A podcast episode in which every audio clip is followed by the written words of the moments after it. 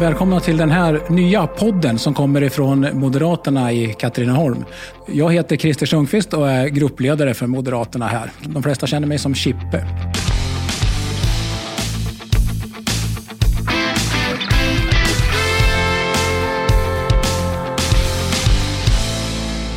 Välkomna till Moderaternas Katrineholmspodd. Här är avsnitt tre. Och eh, vi sitter som vanligt på Stadshotellet i Katrineholm, Bäst Västern. Och som gäst har jag idag Fredrik Ydevall. Marknadschef på Hyreshuset står det på er hemsida. Stämmer. Ordförande i Katrineholm bandy också. Stämmer också. Så jag tänkte vi skulle prata lite fastigheter och vad som rör sig runt det. Sen har ni en massa andra eh, bolag som D11 och eh, Fotografen, så vi ska ta upp det också. Mm. Eh, men du kan väl presentera dig lite själv?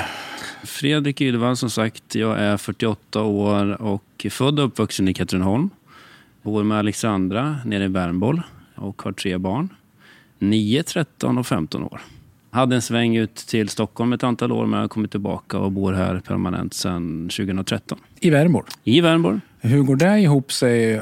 Ordförande för Katrineholms band, alltså KSK Värmboll, det har ju alltid varit lite motsättningar. Var förr i alla fall. Ja, rivaliteten mellan KSK och Värmberg, ja men det har jag fått höra ett par gånger att jag bor på fel sida stan. Men det finns ju lika mycket eh, Värmborgare kvar också i föreningen. Så att det, Idag jobbar vi mycket efter att eh, försöka etablera namnet Katrineholm Bandy. Jag, jag såg det. Man har tagit bort KVBS och så säger man Katrineholm Bandy istället. Precis, precis. Jag var inne och kollade på er hemsida vilka fastigheter som ni har. Mm. Konstaterar att ni äger Hästskovägen 2C, eller ABC. Stämmer. Rött, gult, grönt. Mm. Eh, Hästskovägen 2C, där är jag uppväxt. Jaha. På den tiden så var det en lagårsgrund där radhuset som är efter är. Ja, just det. Och bodde man där, då hörde man till Värmboll. Ja. Kan säga. Det kallades kommunhuset. Jaha. Så där är jag uppväxt, i ett av era hus. Ja, vad kul. Men vad jag kommer ihåg var ju att vi, vi lekte ju på berget mellan vägen och huset. Mm. Och vi, när vi var riktigt modiga så gick vi över stora vägen och lekte där uppe också. Just det. Och sen var jag ute och cyklade 1967 en morgon för att känna efter hur det kändes att cykla på högertrafik. Ah, just det. Det kommer jag ihåg där. Ja. Vilka minnen då. Fantastiskt kul. Ja. Nog om mig. Ydevalls affärsbyrå, Olivgården, Inkola fastigheter, stämmer. Hyreshuset, Mm. YSAB fastighetsförvaltning. Precis. Vi, vi, eh, alltså grunden är ju egentligen att vi är två familjer, Ydvall och Stav, som äger och förvaltar eh, hyreshuset i Katrineholm. Och eh, när vi började expandera för en 6-7 år sedan och köpte på oss fler fastigheter så blev det väldigt svårt för hyresgästerna att särskilja på alla fastighetsbolag. Så då sa vi, varför ska vi inte skapa ett gemensamt bolag? Och därmed så skapade vi då Hyreshuset i Katrineholm. Så där bedriver vi fastighetsverksamhet och den största delen är ju hyresrätter som vi hyr ut. Sen har vi ett 90-tal lokaler och butiker också i centralt i Katrineholm. Så det är vår kärnverksamhet. Ni bor eller har kontoret i något som heter Väckmanska huset. Just det. Där det en gång i tiden var restaurang Vingården. Mm. Då var det Thomas Andersson, hette han på den tiden, som eh, bad mig att göra en järngrind till, för de skulle ha vinkällare nere i källaren där. Mm. Så nu funderar jag på, sitter den järngrinden kvar? Jajamän. Gör den det? Båda två. Det är två stycken till och med. Eh, Jag vet inte om du gjorde båda, men Det var en ganska stor grind med smidda, krokiga spetsar. jajamän. De sitter kvar och eh, lås. Och där har vi faktiskt eh, förvaring av vin och lite sådana saker. Det kom en näringslivsmätning här och då fick vi ju en så här sammanfattande omdöme som var 3,9. Vi har ett mål att vara på 4. Det är ju ganska bra. Och det vi fick bäst för det var mobilnät och bredband. Det var 4,5. Och sämst tillgång på relevant kompetens. Där var vi nere på rikssnittet 2,7 ungefär. Och sen så tycker man från näringslivet att eh, det kommunen ska prioritera det är minskad brottslighet och ökad trygghet. Det tycker mer än hälften av näringslivet. Hur ser du på det här med tillgång på relevant kompetens? Nej, men alltså det är ju, eh, om man tänker på alla de bolag som jag är inblandad i. Vi är ju 21 personer på hyreshuset. Eh, Fotografen så är det 10 fast anställda. Det finns en kompetensbrist rent generellt i de flesta branscher. Även om vi går, kanske går nu mot lite tuffare tider så finns det i många branscher en, en det, det, är tufft att rekrytera folk med kompetens. Eh, så det är en stor utmaning ser jag på lång sikt att hitta och knyta till sig folk. Finns det typ fastighetsskötarutbildning? Ja, men det har funnits, nu borde jag kunna det bättre, men det har funnits en distansutbildning för fastighetsskötare i Katrineholm. Nu tror jag inte de fick förlängt till nästa år. Eh, men det har funnits en sån som har kunnat gått distans. Men sen i övrigt så finns det väl i Eskilstuna och i Stockholm, jag vet, det närmaste. VD-dakt? Ja, jag eller? tror att det är någon VD-dakt-upplägg. Ja. Eh, för att vi, vi var inkopplade och eh, skulle då skicka in lite information om vi kunde tänka oss att anställa någon eller ha på praktik. Ja. Det är en utmaning. Jag tror att vårt läge i Katrineholm är ju fantastiskt. Och jag tror att vi ska kunna locka hit kompetent personal till alla branscher. Därför att vi har en fantastisk stad, vi har en fantastisk natur och det finns väldigt mycket som, som lockar med närheten till allting. Vi ska se möjligheten också att det finns en kompetensbrist. Vi kan faktiskt locka hit folk. Vi behöver marknadsföra kommunen lite mer än vad mm. vi har gjort. Eller på något annorlunda sätt. Som sagt, vi har en, en jättefin, bra stad med alla möjligheter. Fint naturliv runt omkring det borde inte vara så svårt. Under pandemin så var det ju liksom en kockflykt. Alltså mm. Kockarna började på att jobba med andra saker. Är det också ett problem? Nu har vi haft tur att vi har fått behålla våra kockar. Men serveringspersonal är också en sån utmaning, att eh, se till så att vi har personal och kan fortsätta ha det framledes. Så mm. För att det är ju, eh, oftast så är det så inom restaurang att du jobbar med oftast lite yngre människor, mm. eh, servering. Och eh, de vill kanske inte jobba i restaurang hela sitt liv utan de vill utbilda sig och göra något andra saker. Det är eh, en hög omsättning på personal och eh, det är en utmaning där också. Men just kockarna har vi faktiskt haft eh, tur med att behålla de flesta. Att... Men alltså, en hög omsättning är ju inte dåligt i just den branschen, för det brukar ju vara det första jobbet. Så att ja. bara man kommer in på arbetsmarknaden så går man ju vidare till ett annat jobb. Så att, Precis, absolut. Sen är man ju alltid så här som arbetsgivare, man tycker man får in bra folk så vill man ju behålla dem. Men det är ju en del av den typen av arbete, självklart. Det är naturligt.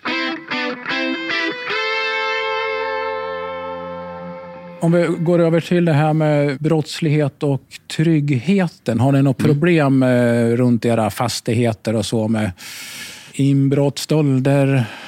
Ja, men trygghet är ju någonting som vi jobbar väldigt hårt med. Och det finns en upplevd trygghet och en verklig brottslighet på något sätt. Mm.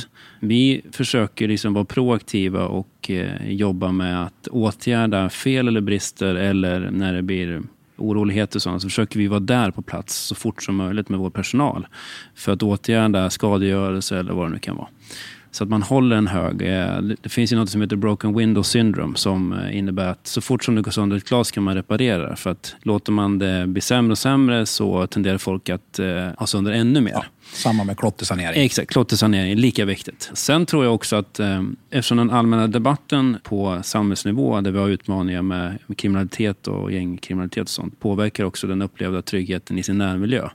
Så det är inte alltid som vi kan se att det är upplevd trygghet är detsamma som eh, verkliga tryggheten. Nej. Det, det, vet man ju i mätningarna, att de ja. som känner sig otrygga är egentligen inte de som är utsatta för brott. Så att, Nej, precis. Men, men absolut, det är någonting som vi jobbar med. Och vi, vi gör ju regelbundna kundundersökningar bland våra hyresgäster för att mäta hur de upplever olika områden. Så att vi har en plan för hur vi arbetar med att försöka vara ännu mer ute i fastigheterna för att skapa den här trygghetskänslan. Ja. Och det handlar lika mycket om liksom, hur man upplever fastigheterna. Är det rent och snyggt och fräscht och, och renoverat? För då eh, skapas det också en stolthet kring boendet som gör att folk eh, ja, de sköter det bättre. Precis. Ja. ja. Det är någonting som vi eh, försöker jobba väldigt mycket med att eh, renovera, förbättra och eh, förädla liksom vårt bestånd för att hålla den nivån. Men då kommer jag in på det här med återvinningsstationer. Det finns ju flera stycken här i stan och några så är det väldigt stökigt. Mm. Och jag kan tycka att eh, kommer man till en stökig eller ser en stökig så känner man sig lite otrygg. Mm. Så det känns inte bra. Mm. Nu håller ju förpackningsindustrin på att lägga över ansvaret av insamling till kommunerna. Men det ska ju vara fastighetsnära insamling. Mm. Som jag har förstått det så kommer det att bli många fler. Alltså det ska ju vara i alla fall kvartersnära. Mm. Det innebär ju att man som fastighetsägare kanske måste upplåta mark mm. och blir det stök tråkigt så kommer det ju inte att vara bra reklam för den fastigheten. Ja, men det, absolut. Vi, vi pratade faktiskt om det så sent som för några dagar sedan eh, internt. Att det fortfarande är lite otydligt vem som har det ansvaret. Så. Men det, det låter som att det kommer ligga på kommunerna mm. och att vi måste ha ett liksom, diskussion med, med, eh, som fastighetsägare med kommunen hur vi ska lösa det. Det vi vet är ju att eh, om man inte har tydlig kommunikation med hyresgästerna var de ska samla sin återvinning och var de ska placeras så, så blir det stökigt. Mm. Då tenderar det att bli mycket i källare och sådana saker. Eller att man sorterar fel. Mm. Därför att man har bara hushållssopor närmast och så vidare. Så där ser vi en utmaning. Och där måste man nog hitta i varje kommun hitta liksom en lösning för hur vi ska hantera återvinning på lång sikt så att man inte gör några kortsiktiga lösningar. Ni har ju en vision, eh, boende som gör skillnad. Mm. Och sen har ni, är det liksom tre punkter där. Mm. Aktivera barn och unga, mm. berika det lokala idrotts och kulturlivet och ökad integration och jämställdhet. Jag tänkte mm. vi tar punkterna. Det där låter ju nästan som ett valprogram. Det hade kunnat passa till, till vilket parti som helst. Ja, egentligen. Precis, precis. Men vi, vi tar punkt för punkt. Mm. Aktivera barn och unga. Hur... Bara för att backa bandet bara för att vi kommer fram till det här. Vi är ju Hyreshuset är ju lokal aktör. Vi äger fastigheter bara i Katrineholm. Och vi gör faktiskt en stor poäng av det, att vi är bara i Katrineholm. Vi tycker att det var viktigt att vara en del av samhället och vara en kraft för att utveckla samhället. Vi tror ju inte att det, man kan lägga allting på den offentliga utan jag tycker näringslivet ska ta ett större ansvar vad gäller socialt engagemang rent mm. generellt. Så det är liksom lite grann bakgrunden till de här tre punkterna som vi kommer fram till. Sen har vi också historiskt jobbat mycket med liksom sponsring och sådana typer av eh, stöd till föreningslivet. Men nu har vi jobbat mycket mer de senaste tre, fyra åren med socialt engagemang. Då. Olika projekt som mm. huskurage och så vidare. Trygga hem. Ja, Trygga hem och så vidare. Så att, nej, men det handlar helt enkelt om att vi eh, just vill skapa möjlighet för föreningar att bedriva bra föreningsverksamhet. Som när vi har kontakt med föreningar så är det så att vi vill hjälpa dem att göra ännu mer föreningsverksamhet. Mm. Och eh, jag vet, jag har ju själv tre barn. När de aktiveras och gör saker. Hur bra de mår av mm. att eh, röra sig. Så det är en viktig del. Och eh, Vi har ett samhällsproblem. Vi behöver få folk att röra på sig mer. Ja. Och Det behöver inte alltid vara hård fysisk ansträngning. Men att komma ut i naturen och få lugnet därifrån. Det finns ju forskning som visar att man får ett lugn genom att gå i skogen bara. Ja. Det sänker stressnivån och sådana saker. Så det finns mycket många olika sätt för att aktivera barn och ungdomar idag som jag tror är viktigt. Till och med forskning som säger att har du bara eh, grönt utanför fönstret så mår du bättre. Precis, ja, det, finns, det är jätteintressant. Så det, där vill vi vara en kraft för att hjälpa till den utvecklingen. Vi kan gå in på huskurage och trygga hem. Jag har ju varit eh, på era, en, någon föreläsning som ni hade om just huskurage. Mm. Jag tycker det är, det är en, en, bra satsning. Men du kan väl mm. ändå förklara för lyssnarna, liksom, vad är huskurage? För ja, precis. Det är en policy för hur man hanterar då när man upptäcker våld i nära relationer. Som en typ av grannsamverkan då för bostadsrättsföreningar och hyreslägenheter egentligen. Grunden är att vi försöker utbilda våra hyresgäster i att när du märker att en granne kanske utsätts för fysiskt våld eller att det är en otrygg situation i den här familjen. Då ska man försöka gå dit och knacka på och fråga hur är det, hur står det till? Bara för att störa den här, det här våldet. Då. Mm. I andra ska man ta hjälp av eh, andra hyresgäster eh, och vi har också infört att man ska kunna ringa hyreshuset om man känner sig otrygg. Så. Ja. Och det tredje är då att ringa polisen. Och ringa polisen gäller ju alltid om man känner att det här är så pass osäkert så att det här ska man inte gå in i. Nej.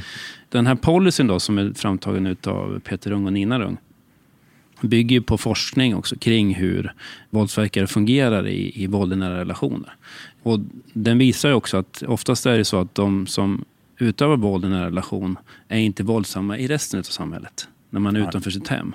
Men just i hemmet så kan man utsätta sin familj för och då är det ju viktigt att eh, försöka bryta det så fort som möjligt. Mm.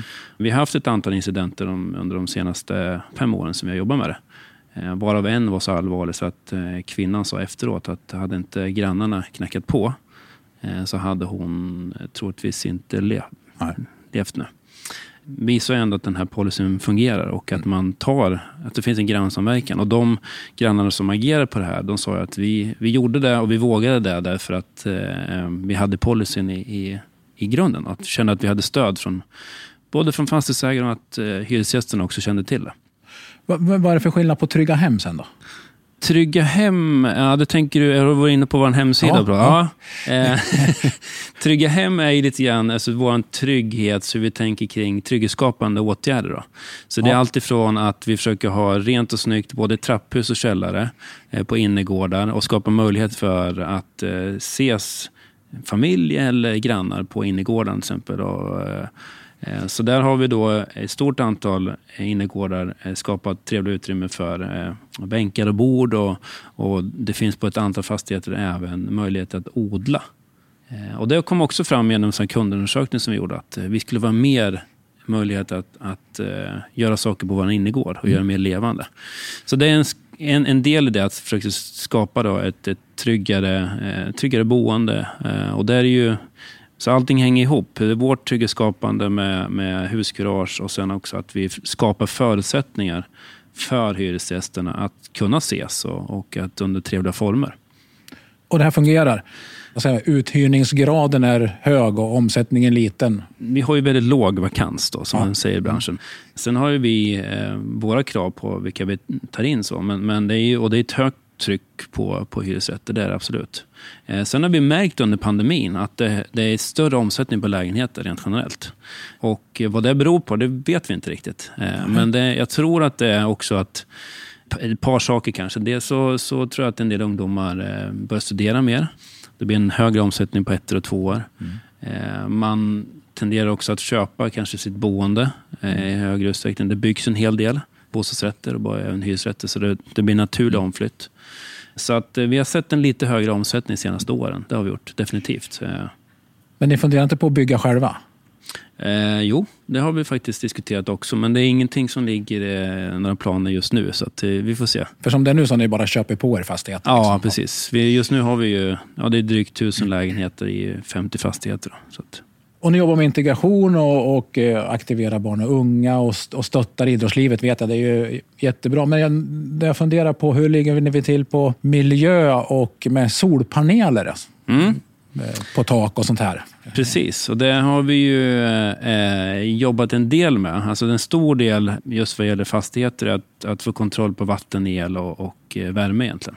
Så där har vi satt upp solpaneler på, våran, eh, på vårt kontor eh, för att testa hur det funkar och det har fått väldigt väl ut.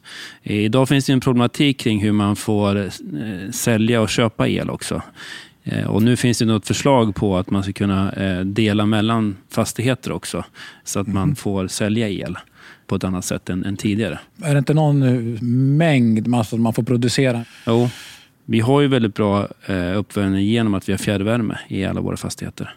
Eh, och eh, vi jobbar väldigt aktivt med att försöka effektivisera så att vi får ut energiförbrukningen optimalt i varje fastighet. Men nu händer det väldigt mycket på digitaliseringsområdet, hur man kan mäta till exempel värme och vatten och sådana saker. Och det tittar vi också på för att helt enkelt bli mer hållbara som företag. Jag var inblandad i, i regionen, eller landstinget som det hette då. Då hade, hade man något system där man till och med kan se hur mycket folk som är inne i en lokal och, och alstrar värme. Så kunde man dra ner energitillförseln så att säga. Riktigt så smarta. Ja, det, och vi, vi har även på några fastigheter har vi då lite mer åt vad ska vi kalla smarta fastigheter där man kan se temperaturer i varje lägenhet. Eh, och då anpassas den efter SMHs väderprognos. För det är ju en väldig skillnad om du tänker att du har minus 10 ute och mulet och minus 10 ute och sol. För solen gör ju att du får in värme i fastigheten och på fasaden också. Så det finns väldigt mycket där. Eh, Problemet, eller utmaningen ska jag säga, som, som vi har som liten fastighetsägare, också att hitta, eh, finns det system som, som är skalerbara för oss? För det är ju en ganska stor initial kostnad. Så där tittar vi mycket nu på hur vi ska kunna ja, skalera upp det här så att vi får det i, i alla fastigheter på sikt. Nu ska vi hoppa till bandy. Ja, Katten bandy. Sen ska vi återkomma till eh, restaurangverksamheten senare. här. kul. Ni har ju, som jag såg, ungefär 520 medlemmar. Stämmer nog. Och där är, är du ordförande. Mm. Från moderat håll, eftersom det här nu är en moderat podd, så vi, vi, vi tycker att alla unga ska ha chansen att hålla på med någon form av idrottsverksamhet. Och Gärna att man satsar på de som naturligt inte gör det. Och Jag vet ju att ni är inne på lite samma sak, i alla fall i hyreshuset. Då är det ganska viktigt att ni som eh, näringsliv ni är med och sponsrar. Och det är bra. Kommunen är ju med och lämnar bidrag.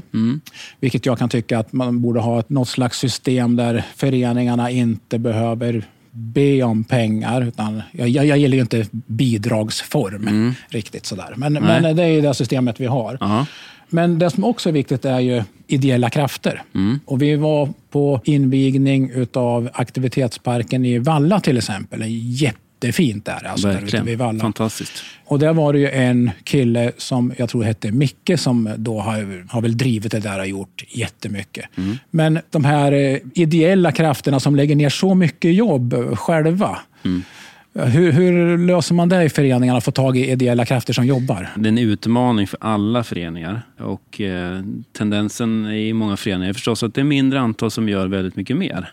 Sen tycker jag, i, som jag har upplevt, nu har jag varit med i, som ordförande i två år, så tycker jag att eh, Katalon Bandy har en, en väldigt stor ideell kraft. Vi har väldigt många ledare och eh, vi har en välfungerande ungdomsverksamhet. Och vi har folk som, som genomför saker så att det, inte, det sitter inte bara på ett fåtal personer. Men vi har faktiskt, under förra året så började vi med eh, titta på hur vi jobbar eh, långsiktigt med rekrytering. Vi har faktiskt tillsatt en liten grupp som jobbar bara med hur ser vi till så att vi rekryterar folk i alla åldrar. För det handlar om att få in dels ledare, ungdomsledare, eh, sen ledare senior och men även då kanske mycket funktionärer som kan hjälpa till när vi har matcher och så vidare. Som exempel kan man säga en allsvensk bandymatch idag. Där behöver du ha 20, kanske 22 personer runt i organisationen Ja. för att kunna driva den. Eh, Så det ställer ju krav Ja. eh, när man bedriver då elitverksamhet. Men, men tankarna som vi har där, det är att eh, alltså, hur får man in då till exempel ungdomar i, i, i, eh, in till banden för vår del? Ja, men det handlar om att skapa, alltså få bort så mycket trösklar som möjligt. Så vi jobbar ju med skridskokul och bandykul på söndagar oftast. Eh, och det är ju vårt sätt att liksom få in och eh, skapa glädjen kring att åka skridskor. Och med en boll och en klubba så kan man göra saker. Vartefter de fortsätter bli lite äldre så kommer man upp i bandykul och sen får man då komma in i Och skjuta en pingvin framför sig. Ja men exakt, men det ska vara väldigt naturligt och där har vi också försökt skapa förutsättningar för att föräldrar ska kunna vara med. Kanske få en kopp kaffe, en korv. eh, Så man, så man ser till så att föräldrarna är kvar inne i, i Kronfågel isarena. För det är viktigt att man eh, engagerar föräldrarna också i det. Då kan man också ha möjlighet att rekrytera dem. När de märker att hur kul min son och min dotter har när de håller på med skridsko eller spelar bandy så eh, märker de att ja, men det här kanske kunde hjälpa till med också. Så det är ett sätt att försöka rekrytera, sänka trösklarna. Eh, annat som vi pratar väldigt mycket om det är också att eh, det kanske inte det första man tänker på att sitta i en styrelse utan man kan ju som, som eh, förälder kan man hjälpa till med att koka korv eller stå i kiosken eller eh, bara skjutsa extra Ja, ja. Min Alltså, mamma här- hon, tvättar tröjor till Värnborgs bandylag. Ja, precis. Men ju fler man är, desto mindre blir uppgifterna. Och där försöker vi också prata också. Jag tror att det är viktigt också hur man pratar om det. Att man inte pratar utifrån negativ. Att vi är så få som hjälper till. Utan man måste tänka så här, ju fler vi blir, desto större förutsättningar har vi att driva ännu mer verksamhet, ännu mer bandy. Eh, Och då skapar vi ännu mer möjlighet för ungdomar att röra på sig. Så att det handlar också om att man, hur man kommunicerar, tror jag. Alltså Ja. skapa glädje kring det. Ja, och man måste som sagt man måste vara lite positiv. För det, det finns inget som är så tråkigt som att höra att ja, det var ju synd att inte fler kunde komma. Nej. Liksom, utan vad bra att ni som är här kunde komma. Vad kul. Exakt. Så det, det, är all, det är alltid det med perspektiv på saker och ting. Så att, eh, det är jättekul att ni är här. Nu ska vi få det bästa utifrån ni som är här. Och jättekul att ni har en eh, Kronfågel isarena att vara i. Så det går att ha verksamhet året om nu för Ja, tiden. verkligen. Jag, är ju, jag tycker det är fantastiskt. Jag hoppas att alla katalonare förstår eh, vilken otroligt fin arena vi har.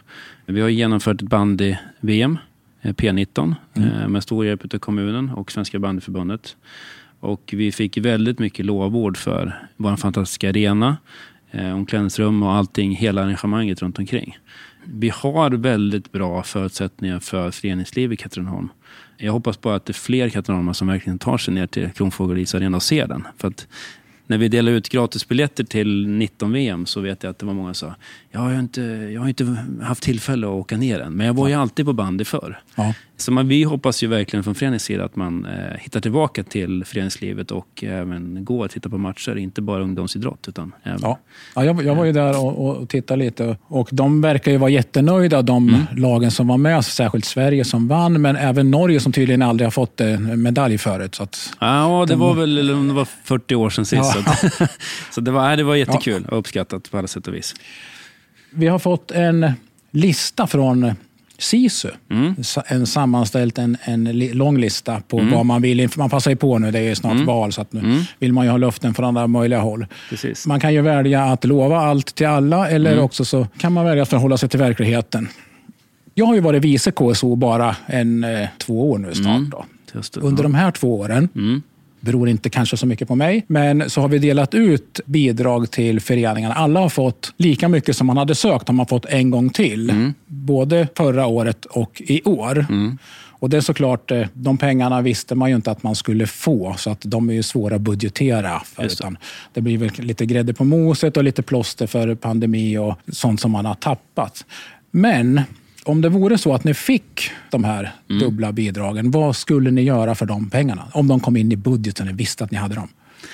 Rent generellt så, så skulle jag säga att vi ska skapa ännu mer föreningsverksamhet och eh, skapa, se till så att eh, det här går till vår ungdomsverksamhet för att se till så att rekryteringen till exempel, att vi kan satsa mer pengar på det.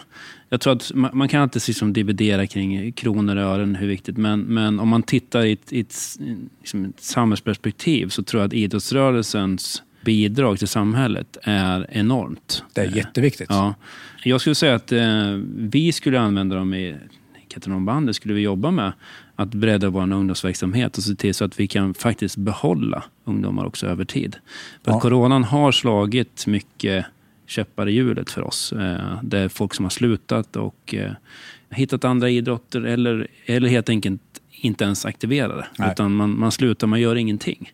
Det är väl liksom ett kollektivt ansvar för hela föreningslivet att försöka hitta hur rekryterar vi tillbaka ungdomarna nu? Och jag tror att vi är på god väg därför att vi har väldigt bra förutsättningar i Katrineholm att göra det. eh, Med, med tanke på de arenor som vi har. Satsa mer på ungdomar alltså, för pengarna. Ja, det skulle jag säga spontant om, om vi nu skulle få det. Så säga, som, eh. Sen tycker jag, den här debatten, jag har ju varit med i idrottsrådet också i, med, med SISO och diskuterat. Jag, jag tror att det viktiga för alla idrottsföreningar, eller kulturföreningar långsiktigt, det är att skapa långsiktiga förutsättningar så man vet vad som gäller egentligen. För Ja. att, som det har blivit nu med, med, med hyror och lite sånt, i diskussion som har varit, så är, så är det viktigt att sätta en, ett ramverk där, där föreningarna känner men det här gäller åtminstone för de närmaste fem åren, eller till och med tio år. Eh, Och då är det tillbaka till det idrottspolitiska programmet som, som finns också. Vad man vill som kommun. Och jag, eftersom jag är engagerad i idrottsrörelsen och tycker att det är viktigt så vill jag förstås ha mer pengar till det. Men jag tror verkligen att det, det skapar väldigt mycket mer innanförskap än utanförskap också. Det är väl investerade pengar. Men vad gäller hyrorna så var väl det ett försök att liksom skapa enhetliga regler när man nu gjorde om det. Och sen Ja. var det ju vi- vissa föreningar som kanske hade haft väldigt låg eller ingen hyra som helt plötsligt fick en hyra. Och då, och då blev det lite... Ja. Så det är väl, det, det, den diskussionen pågår liksom hur det ska lösas. Så Att, eh, Men eh, det är tillbaka till det att skapa förutsättningar på lång sikt tror jag, som är viktigt. ja, det är nog huvudsaken. Inte att man får betala hyra utan man vet vad som Nej, gäller. också lite grann som vi har pratat om, vad man får i bidrag, får man betala hyra. Då kanske man får se vad, det kanske går att hitta lösningar där också. Ja. När jag bodde i Hästskovägen, som jag Mm. sa inledningsvis, och var med i Värnbor, hade man Värnborgsmössa om man bodde i Värnbor och så Mm. hade man KSK-mössa om man bodde i Katrineholm. Och så kanske det fanns kajkmössor också. Det gjorde det nog. Gulsvarta säkert. Mm. Våra var ju ljusblå med någon vit svart rand på. Så här. Man vek en Mm. luva och KSK hade ju röda. Sen eh, när man förlorade en match, då vände man på den här mössan. Och Okej. Då var den mörkblå på utsidan. Jag tror KSKs var svart på utsidan. Så fick man gå med den i fel färg tills man vann igen. Jaha, okej. Är det något du kommer ihåg? Eller? Nej, nej, det kommer jag inte. Jag kommer ihåg mössorna så här, för jag hade eh, själv KSK-mössa vet jag, när jag var liten. Ja. Alla ungar i Värnborg hade en Värnborgsmössa. Det ingick liksom i... Kul grej. Fotografens restaurang har varit igång nu så två år och fullt hela tiden. Det var ett genidrag att öppna det där. Ja, alltså det, det, är ju, jag ska inte sticka under stol med att vi har haft det tufft under pandemin. Så har det ju varit. Eh, och även vi var ju tvungna att eh, gå ner lite personalmässigt. Så. Och, eh, sen är det ju som, som företagare har man ju en etableringstid och en kostnad med det. Men givet det, och, för jag, vi har pratat mycket internt om att det är vikten av att ha öppet också. Så att, eh, jag tycker när det är någonstans i februari där mars börjar släppa på som vanligt så har det varit eh, väldigt mycket gäster, vilket är väldigt kul. Och Katrineholm har verkligen tagit till sig vårt koncept kring liksom mat och, och service och upplevelse eh, som vi försöker skapa då med, med fotografen. Nu är det också fina målningar på vägen in där. Mm, ja, precis. Det vart jättetrevligt. Vart snyggt. Och sen D11, då, alltså det här shared space, mm. eller vad man kallar för. D11 workspace, ja. Fick väl, kan man tänka sig, en liten skjuts av pandemin. För nu är det ju mm. helt plötsligt lite mer legalt att jobba hemifrån och inte... Ja, men verkligen. Och det, det, vi märker att eh, det finns en efterfrågan för eh, att ha flexibla kontorsmöjligheter. Och inte, det är väldigt många som har pendlat till Stockholm eller till andra storstäder men som nu kanske sitter en eller två dagar i Stockholm och så sitter man lite grann på D11. Eller att man har andra nätverk som man ingår i, så sitta på, på D11. För det är, dels så ska vi ha D11 ska ju vara en, en möjlighet för, att, för nätverkande eh, men också att man, man ska kunna bedriva sin affärsverksamhet där. Men sen har vi också eh, en del eh, föreläsningar Eh, så att vi försöker skapa en, en hubb, som man säger, för eh, företagande, nätverkande, konferenser och eh, som en mötesplats helt enkelt. En modern mötesplats. Och det heter D11 för er som inte vet eftersom det ligger på Drottninggatan 11. Just det, precis. Hur är beläggningen där då på de... På kontorsplatserna så börjar det bli ganska fullt nu faktiskt. Ja. Och sen har vi då fortfarande utrymmen för det som vi kallar för lobbyverksamhet. Så man kan ja. sitta, om man inte vill ha ett eget kontor utan vill sitta där på dagtid och jobba så, så finns det sådana möjligheter också. Sen kan man då hyra konferensrum när man vill. Ja, precis. Ja. Ni verkar ju vara rätt på det. Liksom. Ja, nej men, ja, men vi tycker ju om att, se möjligheter och skapa möjligheter. Ja. Mm. Men som då, fritid, hinner du med någonting? Alltså jag fick för mig att han spelar säkert golf eller något. Jag, jag, jag, började spela golf för en massa år sedan. och Så flyttade jag till Stockholm och då var det hypen kring golf. Då skulle ju de här klubbarna har väldigt mycket betalt, så då tröttnar jag lite grann. Så jag har ju spelat tennis. Jag har ju en bakgrund som mycket tennisspelarna. Så det spelar jag lite grann, åtminstone varannan vecka i ett eh, gubbgäng som spelar tennis. Sen har ju jag, eh, jag har ju stort intresse kring mat och dryck egentligen. Det tycker jag är väldigt kul. Eh, och jag har ju lärt mig en hel del om viner, så att jag försöker förkovra mig om det.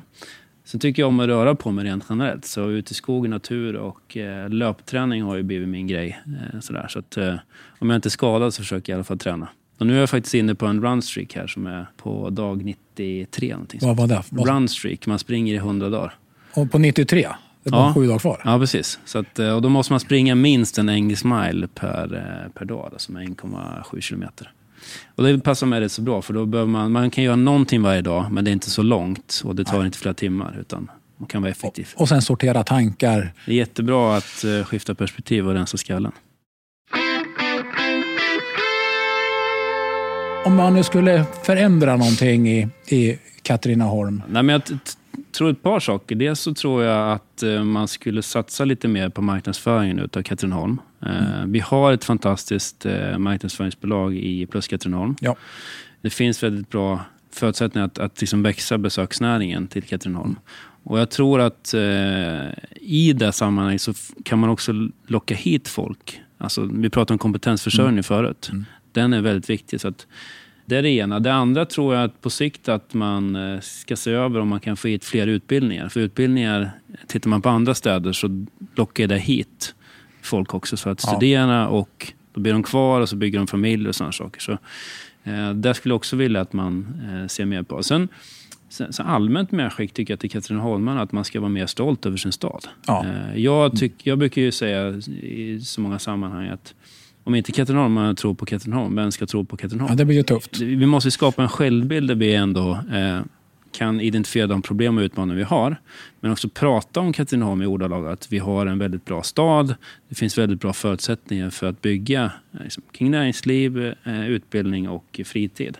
Så mer stolthet skulle jag säga över stan. Jag, eh, jag brukar bli hånad ibland i Stockholm när jag hade mitt bolag där uppe. Eh, att eh, jag pratar så, alltid så positivt om Katrineholm. Men är det verkligen så bra? Ja, men jag tycker att det är bra. Det, ja.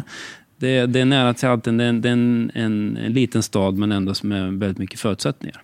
Ett medskick till alla katrineholmare. Tänk stolthet och eh, tänk på att försöka prata väl om, om eh, vår hembygd. För det är viktigt. Ja, bra sagt om vi skulle försköna stan. Alltså, jag mm. tycker att vi har en jättefin stad. Alltså, de på parkavdelningen är ju väldigt duktiga. Alltså, med, Hela trädgård och utsmyckning. Ja, precis. Ja, runt Gröna Kull eller Stadsparken och alla urnor och allting som är med alla blommor. Så är det ju faktiskt eh, otroligt fint. Mm.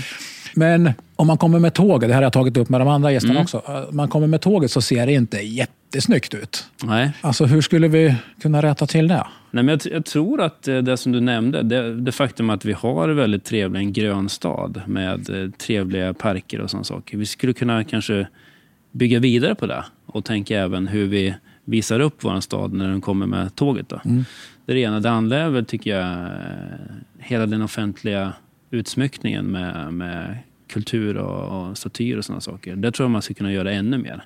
Och kanske låna in konstnärer som får utrymme att eh, göra saker, kreera. För det skapar också en levande stad tror jag. Skulle du kunna ställa upp med en husfasad och göra en muralmålning absolut, på? Absolut. Vi har, ja, det finns ju flera exempel på ja, det som ja. i stan också. Så det är, skapar också en levande stadskärna. Så att, eh, mer av det vi gör bra, tror jag, mm. är, nog kanske den enkla här, svaret skulle jag säga. Har, vi, har du något annat medskick gällande näringslivet? Vi hade ju en näringslivsmätning. Nu kommer ju den riktiga mätningen, eller vad man ska säga, den kommer ju senare i höst där vi får liksom totalbetyget. Men som eh, näringslivsidkare till politiken i, i Katrineholm, alltså vad ska man göra för att näringslivet ska må ännu bättre? Jag vet att det, det finns planer på eh, att satsa ännu mer på, på näringslivsfrågor. Eh, och jag tror att det är viktigt långsiktigt eh, för att eh, ska vi etablera till exempel Lövåsen men även eh, Lövåsen som en, är liksom ett komplement till centrum så måste vi jobba väldigt aktivt med näringslivsfrågor. Det ena. Det andra som skulle jag skicka med det är ju att eh, satsa på skapa förutsättningar för att lyfta alla de i utanförskap egentligen. För det tror jag är, det är otroligt viktigt långsiktigt att vi löser knuten med utanförskapet att folk inte har arbete. Ja. För arbete är ju grunden för, eh, liksom, som jag ser det, för välstånd på lång sikt. Och där har vi en utmaning att få in. Eh, och det handlar om att eh, våga kanske utmana hur vi har jobbat historiskt och kanske hitta nya vägar också. Eh, men försöka bryta utanförskapet. Och där finns ju väldigt mycket forskning kring hur man kan jobba där med. Men hur menar du att kommunen skulle göra? Alltså, om vi klär på mm. folk så att man klarar av ett arbete så måste ju ändå näringslivet anställa till sist. Mm, absolut. Eh, det jag menar, till exempel så... Eh, det finns idag alldeles för lite fritidsgårdar i Katrineholm. Eh, de försvann ju någonstans på 80-talet, eller början på 90-talet. Eh, och jag tror att när man tittar på hur ungdomar, vad de gör efter skolan. Någonstans mellan skolan och till de går hem och käkar kvällsmat så måste man antingen föreningsverksamhet eller fritidsgårdar. Så man håller barn och ungdomar borta från gatan så att säga, med, med meningsfulla aktiviteter.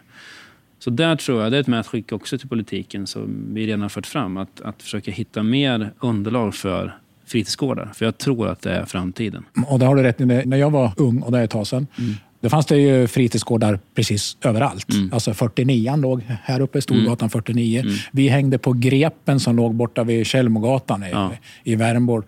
Och sen fanns det ju Kryptan på Jägargatan. Mm. Alltså det fanns eh, Pansardasset tror jag det var något också. Ja, det fanns hur många som helst. Ja. Och där kunde man, åkte man runt lite, då träffade man lite nytt folk och så här. Ja. Och det är ju ungdomar, de kan göra vissa aktiviteter eller bara hänga som de säger. Alltså bara vara.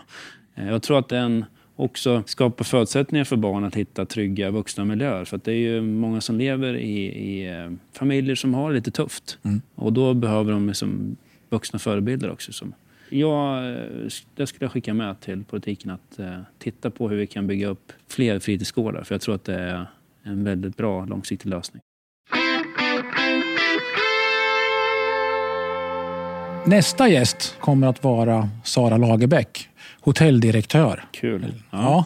då får vi höra hur, hur hon ser på, på stan och sådär. Jag vet ju att eh, hotellverksamheten åtminstone går ganska bra. Mm. Sen har man ju konferenser och det där man har väl lidit av pandemin. Men det får vi höra nästa gång. Ja. Men eh, följ oss gärna på sociala medier. Moderaterna i Katrineholm. Vi finns både på Facebook och Instagram. Så ses vi, eller hörs, nästa gång. Tack Fredrik för att du kom. Det var jättetrevligt. Tack själv.